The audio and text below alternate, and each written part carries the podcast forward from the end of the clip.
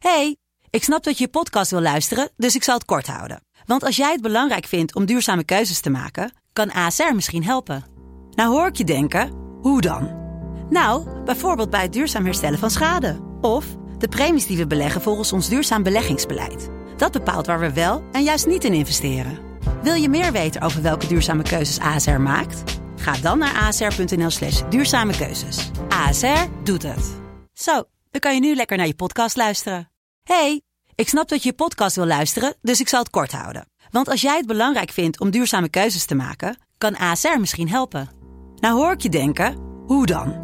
Nou, bijvoorbeeld bij het duurzaam herstellen van schade. Of de premies die we beleggen volgens ons duurzaam beleggingsbeleid. Dat bepaalt waar we wel en juist niet in investeren. Wil je meer weten over welke duurzame keuzes ASR maakt? Ga dan naar asr.nl slash duurzame keuzes. ASR doet het. Zo, dan kan je nu lekker naar je podcast luisteren. Dit is Mand, de kortste podcast van Nederland. Vandaag gaan we het hebben over influencers. Eh, eh, René, sorry, ik was even je naam kwijt. Ja. Jij hebt meer dan 50.000 Zeker, volgers, ja, ja, dus ja. jij bent een officiële influencer. Ja, ik Fuck influence... jou René, we bepalen zelf wel. We hebben jou niet nodig. We hebben geen leiding nodig. Wij influencen onszelf. Doeg, dit was Mand. Mand.